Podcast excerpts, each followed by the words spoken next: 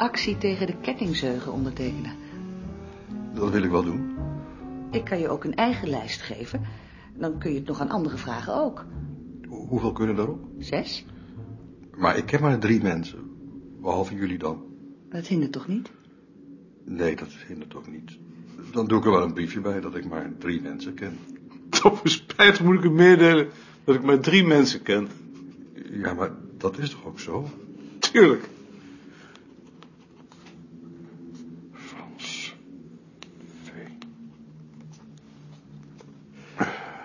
Zal ik die nieuwe plaat van Charpentier eens draaien? Nou, dat is misschien wel leuk. We hebben een nieuwe plaat van Charpentier.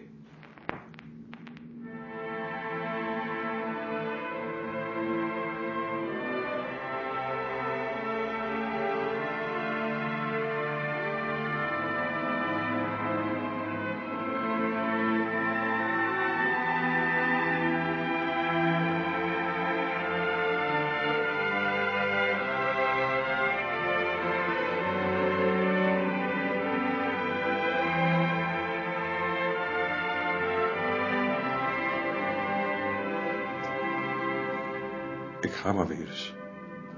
Bedankt voor de erwtensoep.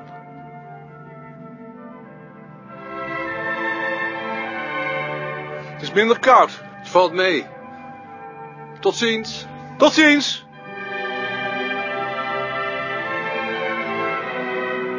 Heb ik iets verkeerds gezegd of gedaan? Waarom vraag je nou zoiets triests? Bij Frans doe je toch nooit iets verkeerd? Nee, dan is het goed.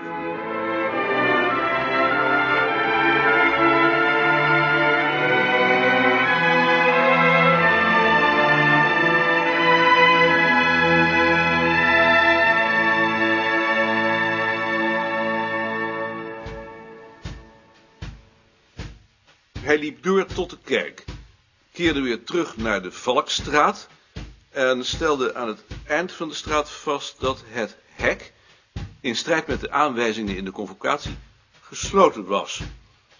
Hij voelde aan het hek, rammelde aan de deur en versnelde vervolgens zijn bewegingen als een auto die in een volgende versnelling gaat, de Reigerstraat in, om het Verkadecomplex heen, de hoofdingang, een jonge, te familiaire portier in een bruin uniform en tenslotte na enig zoeken de ingang en de trap op een gang in. Links, achter ramen was een kantine, rechts een fabriekshal. Een eh, werkster, een oude vrouw met een vermoeid gezicht, vroeg waar hij moest zijn. In de ontvangstkamer. Toen ze hem de weg wees, zag hij dat de wc tegenover de fabriekshal was en nam daar nota van voor het geval die nog nodig zou zijn. Door de glazen wand zag hij de arbeiders en arbeidsters aan het werk. In blauwe, gestreepte jassen met witte petten. Zo te zien veel gastarbeiders. Het glas dempte het lawaai enigszins. Het werd luider toen een van de gastarbeiders een deur uitkwam en overstak naar de wc.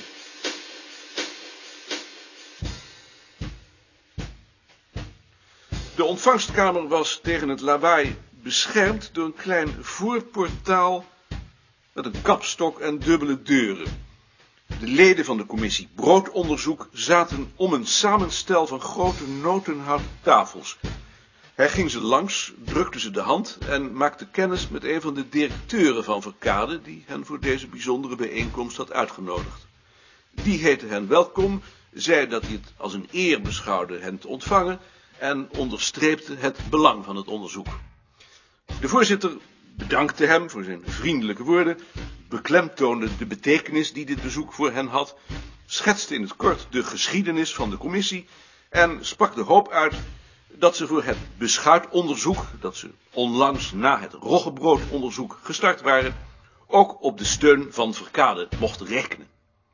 Over dat beschuitonderzoek kon hij nu al meedelen dat de enquête die door het bureau van de heer Koning werd uitgevoerd, al een grote respons had gekregen. Vervolgens trokken ze hun jassen weer aan en liepen ze over het terrein naar een ruimte boven in een toren waar de collectie van Verkade was opgesteld. Omdat die hun bijzondere belangstelling had, brachten ze er geruime tijd door. Toen ze weer terug waren in de ontvangstkamer, herinnerde hij zich de wc en verliet de kamer weer. Het was een niet zo schone wc, waar bovendien een plas in stond. Bij het fonteintje hing een blauw bord. Na het gebruik van het toilet is handen wassen verplicht.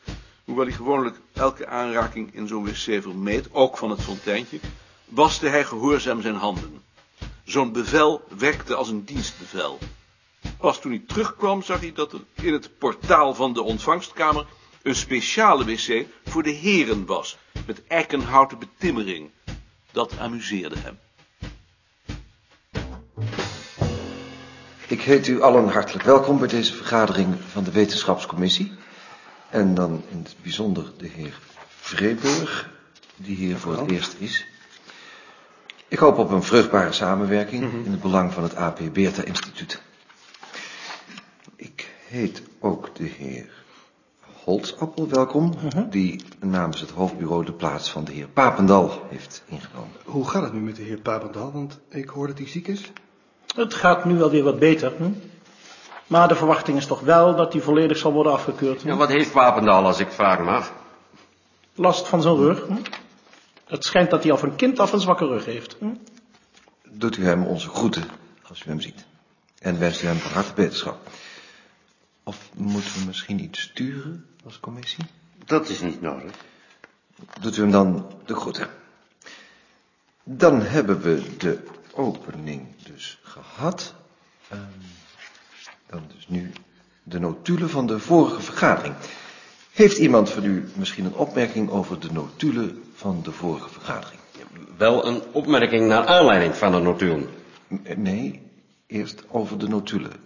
Onder punt 3 wordt achter een door mij uitgegeven bundel vermeld dat hij in druk is, maar hij is inmiddels verschenen.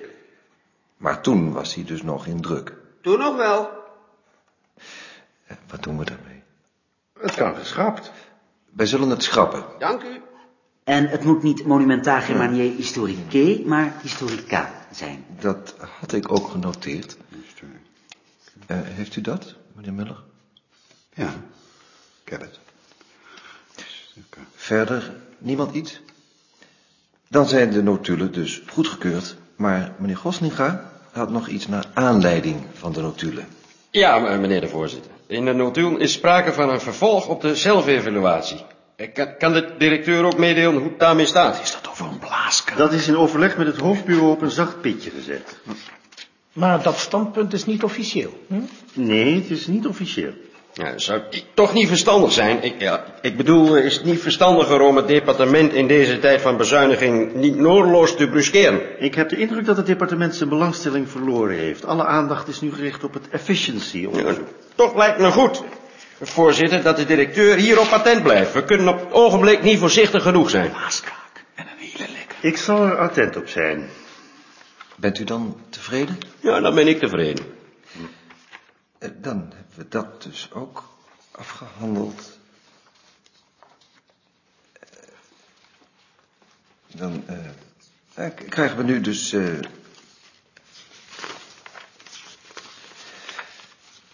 de mededelingen.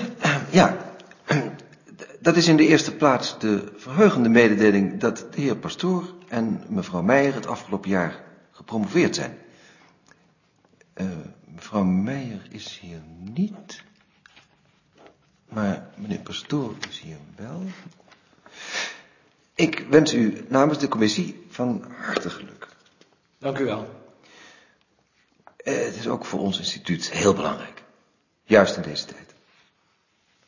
Misschien wilt u ook aan mevrouw eh, Meijer onze gelukwensen overbrengen, voor zover dat al niet gebeurd is.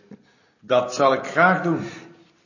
En dan lees ik hier ook nog dat de heer Rentjes dit jaar ook nog hoopt te promoveren, zodat beide afdelingen straks een gepromoveerd afdelingshoofd hebben. Nou, dat is heel belangrijk. En de afdeling bronnenboek. Nu de afdeling volkscultuur nog. Mm, Mag ik daar nog even een opmerking over maken? Ik promoveer op 26 juni en iedereen is natuurlijk van harte welkom. Natuurlijk.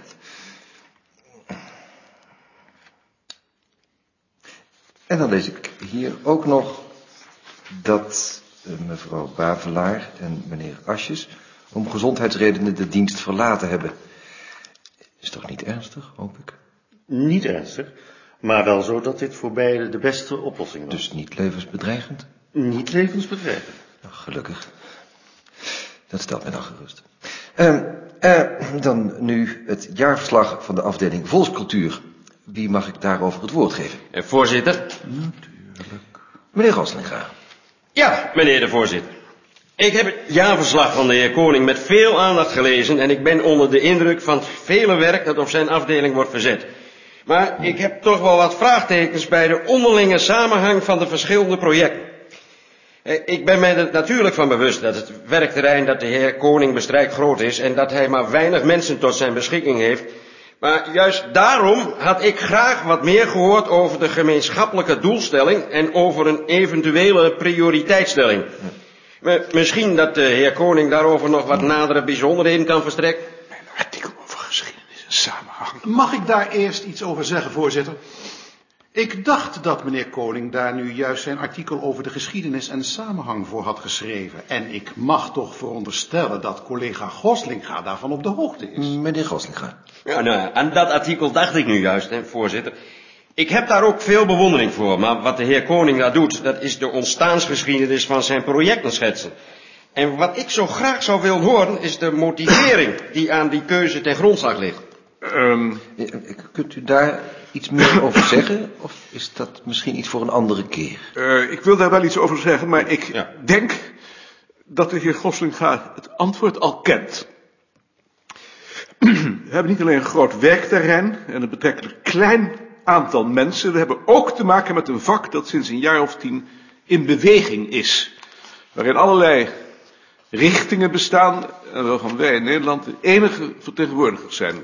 Dat dwingt ons onze aandacht te verdelen over een groot aantal onderwerpen en onderzoekstechnieken en, en doelstellingen. De weelde van een specialisatie kunnen we ons eenvoudig niet veroorloven. Ja, dat zou ook een pleidooi kunnen zijn om juist wel een keuze te maken, voorzitter. Ik, ik wil niet zeggen dat ik daar een voorstander van ben, maar ik zou graag argumenten willen horen waarom dat, dat niet gebeurt. Maar die argumenten geef ik nu juist.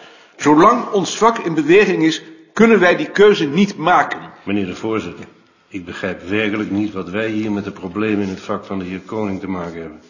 Ik dacht nu juist dat u daarvoor hier zat. Het interesseert mij wel. Meneer Vreeburg, Ik heb die samenhang ook gemist en ik heb mij afgevraagd of het niet mogelijk zou zijn om alle onderzoeken voor een afgeronde periode rond één thema te groeperen. Ja, om het gevaar van het verwijt van hobbyisme te vermijden. Dat zou het einde van het vak zijn.